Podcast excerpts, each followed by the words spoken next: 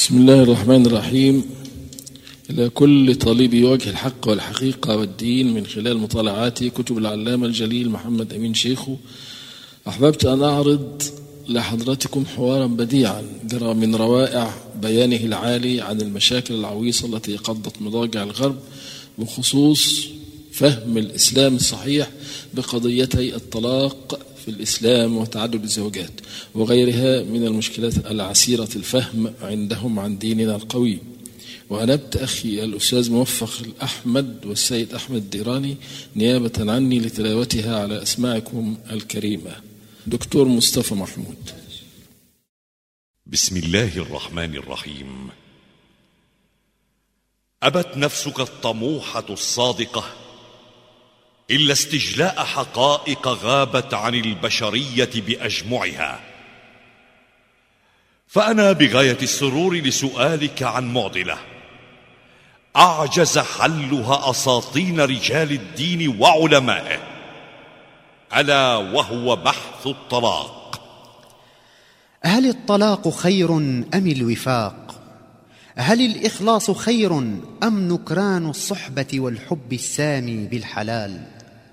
أوليس الزواج عقدا بين شريكين بإذن الله؟ فلم أنتم أيها المسلمون تطلقون زوجة أخلصت وضحت بأسرتها من أجلكم وتلقون بها بأحضان البؤس والشقاء بعد أن قطفتم زهرة شبابها.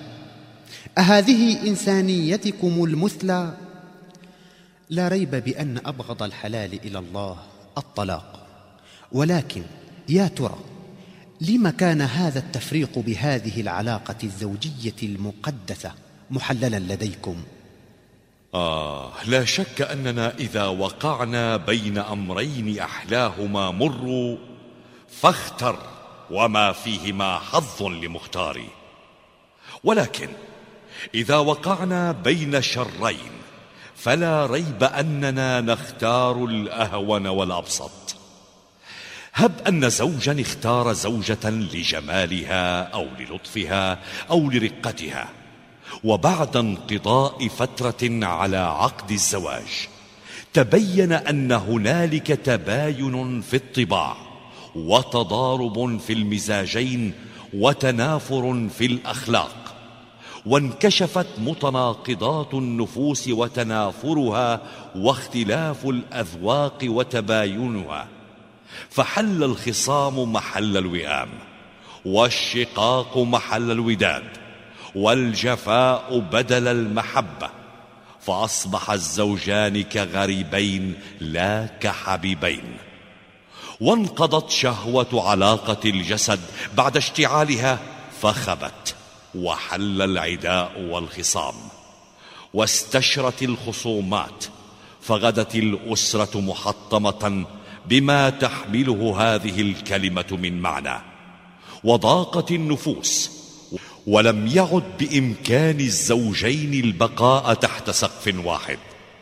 ففي مثل هذه الحالة أليس من الأفضل للطرفين إلغاء عقد الرابطة الزوجية الذي عقد للسعادة فغدا عقدا للشقاء والخصام وحرمان السعادة ليبحث كل منهما عن شريك لحياته يناسبه ويسعده حقا. وإذا أجبرناهما على البقاء بهذا الحال المريع بالإكراه فماذا سيتم؟ سوف يفر الزوج مشرقا ويسلك سبل تحقيق شهواته بالفواحش. فمتى شرق الزوج التعيس فستغرب زوجته بالمثل.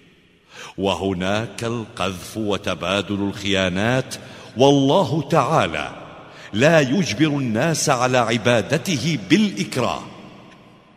لذا فلا طريق إلا الفراق والإطلاق بالطلاق. فالإجبار على إبقاء متباغضين تحت سقف واحد بالإكراه لا يرضى به الضمير الإنساني. وما هو غصب ترفضه كافة الدول الراقية.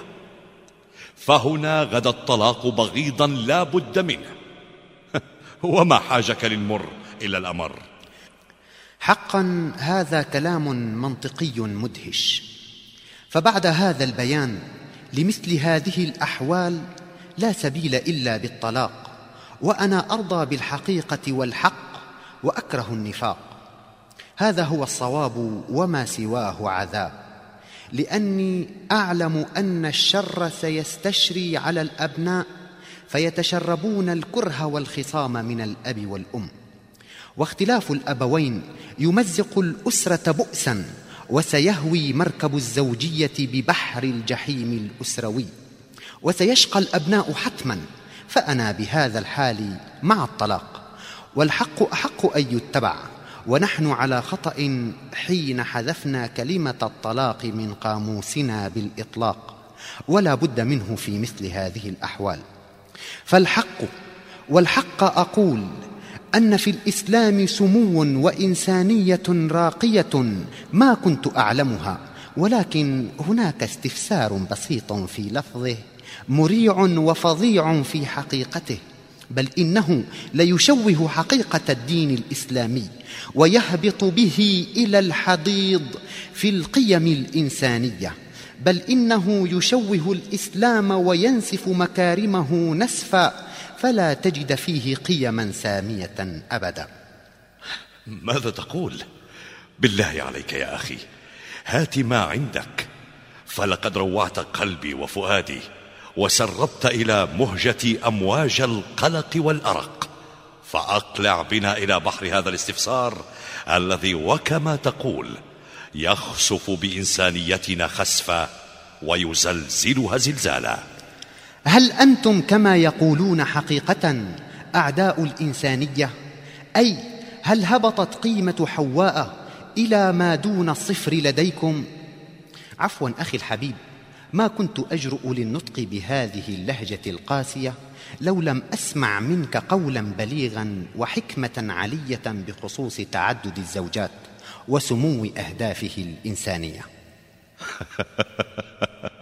لا بأس عليك يا أخي لا بأس عليك. وفي تقديري أن بهذا الاستفسار أمر عظيم وخطر جسيم جرح قلبك ومشاعرك. فأنا لا أؤاخذك على لهجتك بل أرتقب من شفتيك مضمون ومحتوى هذا السؤال الذي أثارك وأقض مضجعك. إنه يا أخي الطلاق الطلاق لديكم ولا أقول الطلاق بل لفظة كلمة الطلاق. هذه الكلمة الخفيفة على اللسان المرعبة في الميزان. هل حقا أنكم تقضون على حياة شريكة عمركم وأم أطفالكم وأولادكم أبنائكم وبناتكم بلفظة طلاق تكرر ثلاث مرات من فم أحدكم.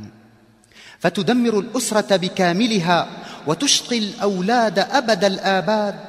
نهك عن بؤس وتعاسه الزوجة التي صدرت بحقها لفظة الطلاق وما يحل بها من جحيم في حياة لا تطاق. فهل المرأة سلعة تباع أو أدنى بكثير من أدنى سلعة في الوجود؟ فلو كانت فرسا وأراد صاحبها أن يطلق سراحها لمالك آخر فالقانون يلزمه بكتابة عقد بيع ومهرها بتوقيع مع شاهدي عيان وإلا يعتبر من أخذها سارقا وهذه حيوانة. ولا تكفي بلغة القانون كلمة أعطيتك أو أطلقت سراح هذه الفرس لك ابدا. فما بالك بمخلوقة مكرمة عند الله من جنسك ولكنها أنثى وعند الله لا فرق بين ذكر وأنثى إلا بالأعمال. فمن الذي خفض المرأة عندكم إلى الحضيض ورفع الرجل تعسفا وطغيانا حتى صارت قيمة زوجته هواء فارغا ساما سم الزعاف يقضي على حياتها ويحرمها من فلذات أكبادها ومهج روحها. بالله عليك يا أخي بين لي ما هي الحكمة. في لفظ بغيض كطلقتك بالثلاث. إن كانت هناك أية حكمة؟ يا أخي الباحث الحر الغربي أنا لا ألومك ابدا في أمر لن يستطيع أي إنسان عاقل أو فيه ذرة منطق أن يقبل به. اذا قد وافقتني على أن الطلاق اللفظي مطعن في كبد الإسلام حتى أنه ليشوه كل محاسنه لأنه طعنة سامة في ضمير الإنسانية. أوه مهلا يا أخي الباحث الحر صاحب الضمير الرحيم. وليكن الحلم رائدك. لأنني لم أجبك عن حكمة الطلاق بعد لأن نصف الكلام ليس له جواب. ويا لهفي على جواب يقنعني ويزيل من قلبي استنكار هذا المبدأ في الإسلام. فبالله عليك أن تشفي غليلي وتروي ظمئي بجواب يمحو من نفسي نزغات الشيطان ضد الإسلام. ولكن قبل أن أجبك هل أنت متأكد أن لفظة الطلاق هي حقا من الإسلام في شيء؟ أو أنها وردت بكتابنا المقدس كلام الله حتى نسبتها على ظلمها لديننا القويم؟ حقا لا أعلم مأتاها من القرآن الكريم. فإن لم تكن موجودة في الكتاب المقدس أي القرآن فأنا شديد الأسف. بل لأعتذر من صميم قلبي من هذا الأمر. ولكن الذي بلغنا نحن معاشر الأوروبيين الغربيين أن علماء دينكم وجل مذاهبكم تقرها. إذا فهل تقبلون بكلام الخالق أم ترضى بكلام المخلوق المزيف عكس ما ورد في القرآن؟ لا ابدا. نرفض اتهام الإسلام إلا من خلال ما ورد في كتابكم المقدس القرآن. إذا يا أخي الحبيب في الإنسانية أعرني سمعك لأبلغك حكم الله الحاسم في الطلاق. يا أخي المسلم الأبي بالله عليك أغثني من قرآنكم ما يقشع الظلمات حول دينكم وأنا عما ورد في أحكام كتابكم المقدس راض وكلي آذان صاغية. أها إذا فالقرآن حكمنا ولا جدل فيما نص به صريح القرآن. كما أن الزواج ليس بكلمة هو قائلها بل له مراحل معلومة. كذا الطلاق له مراحل وقوانين ينبغي اتباعها وذلك عند حصول نزاعات حقيقية بين الطرفين الزوج والزوجة. وساءت أحوال معيشتهما سويا. فإذا وعلى سبيل المثال لم تستجب معه لأوامر الله بل لما يؤدي بمركب الزوجية إلى الهلاك عندها أباح الله له سلوك خطوات الطلاق الأربع التالية. أولا الوعظ ثانيا الهجر. ثالثا الضرب. رابعا حكم من أهله وحكم من أهلها. ثم بحال فشلها كلها تتم طلقة واحدة يمكن التراجع عنها ورجوع بيت الزوجية بحال الاتفاق. وهذه المراحل الطويلة المدى كي تعود بها المرأة لرشدها وخضوعها لأمر الله لتدخل دائرة السعادة دنيا وآخرة وإلا فالفراق البغيض الذي لا بد منه. قال تعالى الرجال قوامون على النساء بما فضل الله بعضهم على بعض وبما أنفقوا من أموالهم فالصالحات قانتات حافظات للغيب بما حفظ الله واللاتي تخافون نشوزهن أي خروجهن عن طريق الحق وهذا فقط يستدعي سلوك قوانين الطلاق. فعظوهن أي ذكرها بالموت. بالآخرة يجب أن تتعلم أنت وتعلمها فإن لم تستجب لك أي للحق عندها تسلك الخطوة الثانية وهي الهجر.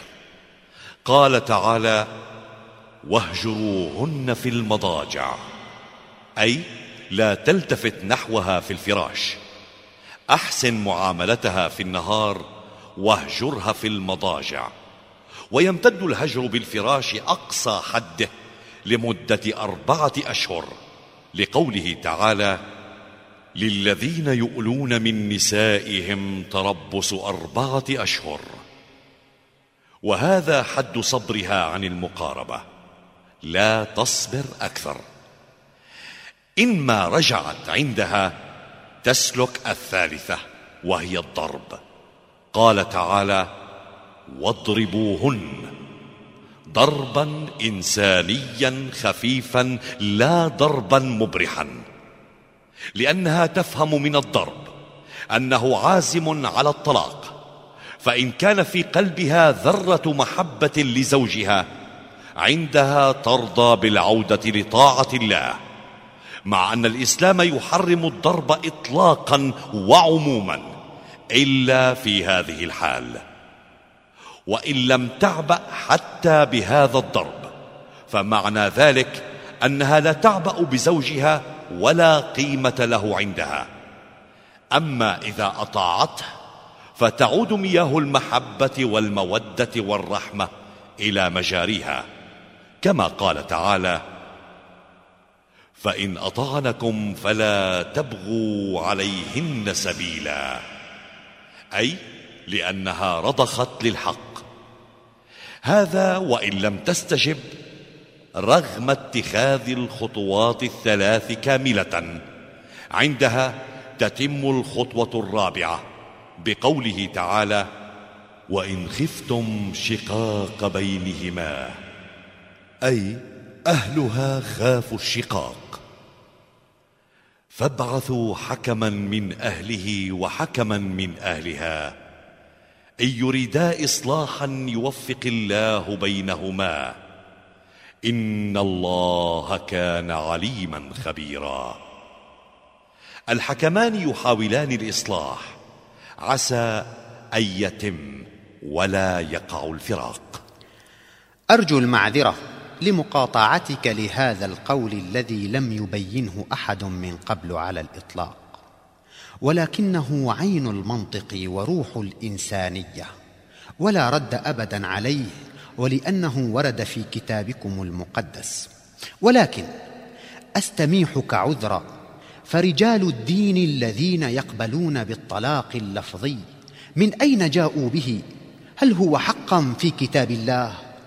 يا أخي الباحث ليس له بكتاب الله أثر إطلاقا. فهو قولهم وليس قول الله وقول الله هو الحق وما دونه باطل إن رجال الدين الذين يقولون بذاك الرأي الذي لا يرضى به المنطق والضمير الإنساني ينسبونه لنبيكم رسول الله فهل هذا صحيح؟ إن رسول الله يا أخي هو سفير الله في أرضه والسفير يبلغ كلمات دولته كذا رسول الله. لا يبلغ ولا يشرح ويوضح إلا كلام الله. لأن نبينا لا ينطق عن الهوى. إن هو إلا وحي يوحى. وهو يقول في محكم التنزيل بسورة يونس قل ما يكون لي أن أبدله من تلقاء نفسي. إن أتبع إلا ما يوحى إلي. وإن هنا أداة حصر فهو لا يضيف ولا يغير ولا يبدل من عنده على كلام ربه شيئا.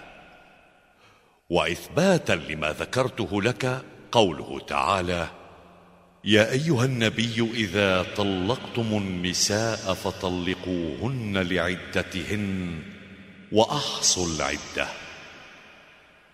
ألا وهي مدة الهجر بالشرط الثاني التي ذكرناها.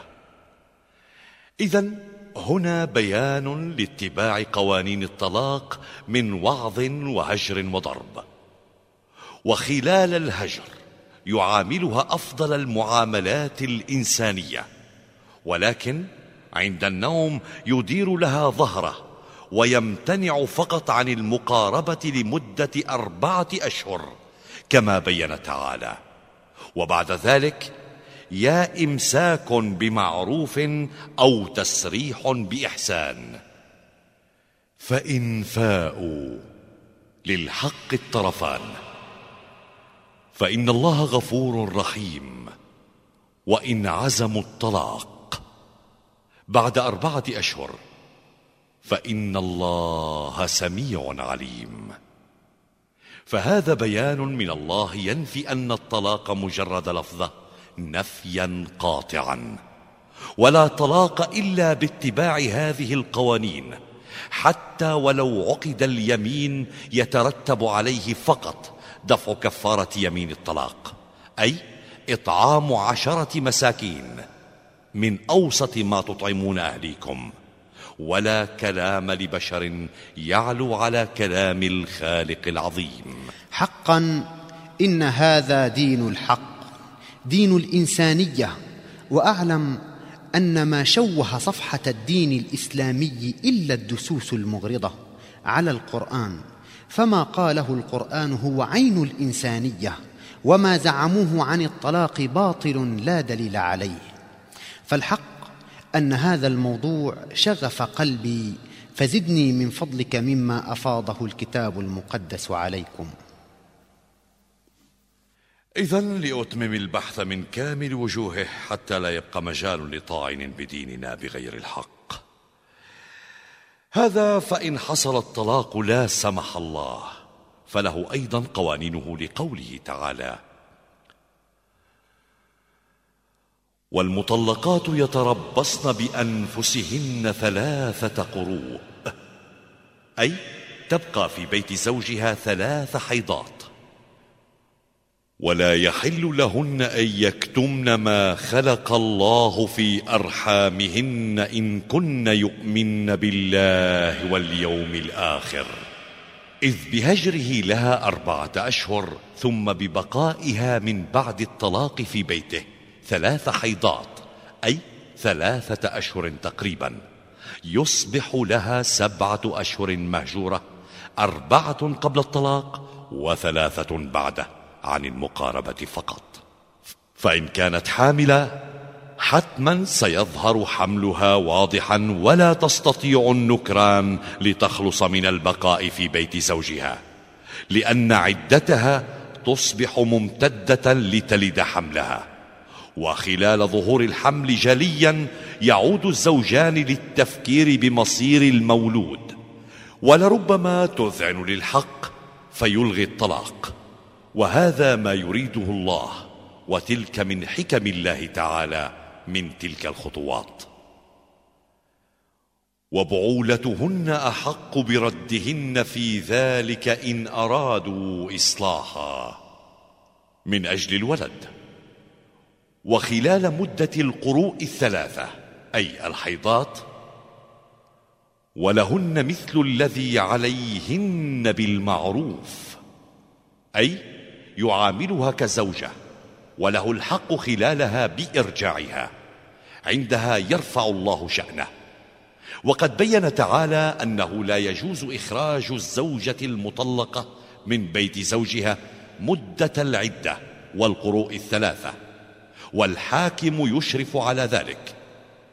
لا تدري لعل الله يحدث بعد ذلك أمرا. عند بقائها في بيت زوجها لعلها ترجع للحق فبرؤيتها لمعاملته الإنسانية الجيدة. خلال فترة بقائها في بيته ترى أن معاملته لها كانت لله ليس لشهوة أبدا. فبذا يمكن أن تفكر وتعدل عن غيها وتؤوب للحق. إذا يحق للمطلقين في دينكم أن يتراجعا عن الطلاق ويعودا ليرفلا بحياة زوجية مبنية على وفاق فلعل هذه الزوجة عادت إلى شذوذها مرة ثانية. فهل يجوز طلاقها ثم عودتها بردة ثانية إلى بيت الزوجية وثالثة ورابعة وخامسة؟ تعلم يا أخي الباحث عن الحقيقة أن قانون النفس لتعقل أمرا وتوقن به ولا تنساه. تكرار هذا الأمر ثلاث مرات وهذا ما يقرره علم النفس كذلك عندنا في القرآن. قد قرر هذه الفطرة النفسية من ثلاث. فإن تم الطلاق ثلاثا فلا يجوز بعد الثالثة أن ترجع لزوجها لأن علة الشذوذ هي علة نفسية غريزية. فكلما ازداد الزوجان ومعها هذه العلة بقاء وتطليقا وإرجاعا كلما ازداد عدد البنين والبنات. والشقاق والخصام يعود شرهما على الأبناء فالأفضل إيقاف التمادي بالعلل المتمادية بالشرور لإيجاد حل وبعد ثلاث طلقات على القوانين التي سنها القرآن لا تعود لزوجها إلا بعد أن تتزوج غيره فإن توفي زوجها الثاني أو طلقها بعد عمر طويل وعرفت بالمقارنة بين الزوجين ميزات الزوج الأول وذلك بعد اقترانها مع الثاني ومقارنتها به عندها يحل لهما أن يتراجعا. إن ظنا ذلك خيرا. لأن لكل أمر حدود. ومتى تم تجاوز الحدود تم الطغيان وهلك الحرث والنسل. وبعد سؤالك القيم نعود لاستكمال مجريات ونتائج الطلاق. قال تعالى الطلاق مرتان فإمساك بمعروف أو تسريح بإحسان. الطلاق الأول حيث حق له إرجاعها ثم حدث الطلاق الثاني بقوانينه كاملة. أيضا يحق له إرجاعها. ولا يحل لكم أن تأخذوا مما آتيتموهن شيئا إلا أن يخافا ألا يقيما حدود الله. فإن خفتم ألا يقيما حدود الله. بفترة القروء التي ببقائها في بيت زوجها إن حصل نزاع وأرادت أن تفدي نفسها بالمال أي سامحت إن كرهته وما أرادت البقاء ببيته وخافت أن تقع بالحرام وكذلك خاف الرجل عليها. عندها يحق لها فداء نفسها بالمال وتذهب حرة لتتزوج إن أرادت. فإن طلقها ثالث مرة بعد رجعتين بطلاقين على ترتيب الإله كما ذكرنا فلا تحل له من بعد حتى تنكح زوجا غيره فإن طلقها الزوج الثاني فلا جناح عليهما أن يتراجعا. للزواج شرطان الأول البقاء مدى الحياة والثاني المهر. يتبين لنا أنه كما أن الزواج الذي يسمونه التجحيشة. لا أصل له أيضا. فهو مخالفة واضحة ومعصية بينة لكلام الله. بل إنه زنا. سنته الشياطين وأتباعها من شياطين الإنس. والمشكلة أن الناس صدقوا ما تلته الشياطين وعملوا به. ولقد صدق عليهم إبليس ظنه فاتبعوه إلا فريقا من المؤمنين. ولو استعرضنا الحكمة من إمكانية إعادتها بعد زواجها الثاني من الزوج الثاني مع شرطي البقاء مدى الحياة ودفع المهر وطلاقها منه لتبين لنا بطلان زواج التجحيشة إذ بعد زواجها الشرعي الذي أحله الله بشرطيهما البقاء والمهر وعند حصول الخلاف والطلاق بقوانينه كاملة وعظ فهجر فضرب معنوي فحكمان. عندها ترى محاسن زوجها الأول مقارنة مع الثاني كما ذكرنا. وتدرك أنها كانت متسرعة مخطئة بعدم الانصياع للحق معه. ولا تعود تسول لها نفسها التمرد على الحق. فإن أرجعها الأول بعد موت زوجها الثاني أو طلاقها منه عادت راضية منصاعة للحق. وأمكن استمرار الحياة السعيدة بينهما. بعد حدوث الطلاق لا يجوز أن يمسكها ضرارا لسلب مالها.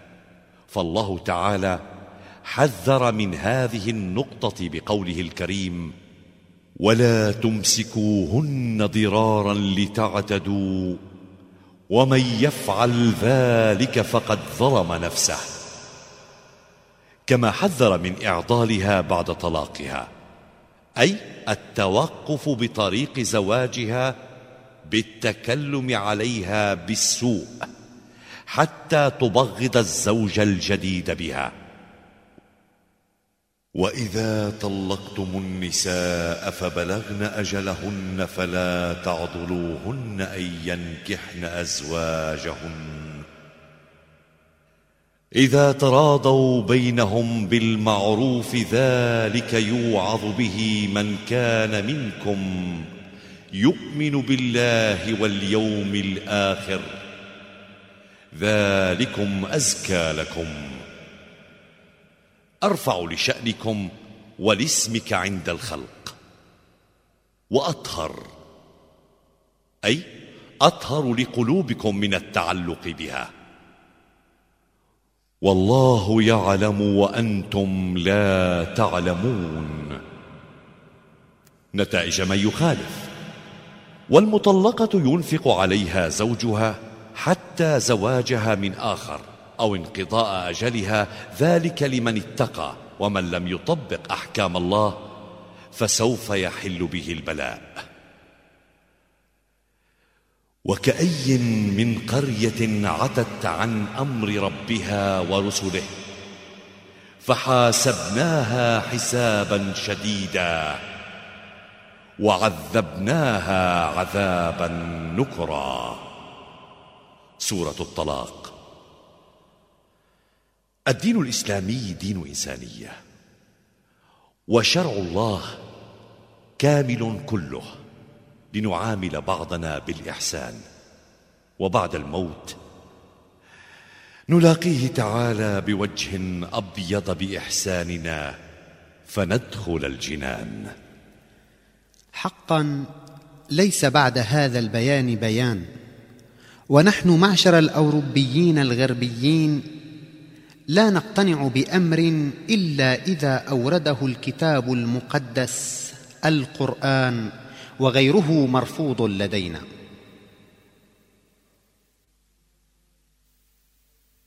المهر والبقاء مدى الحياة.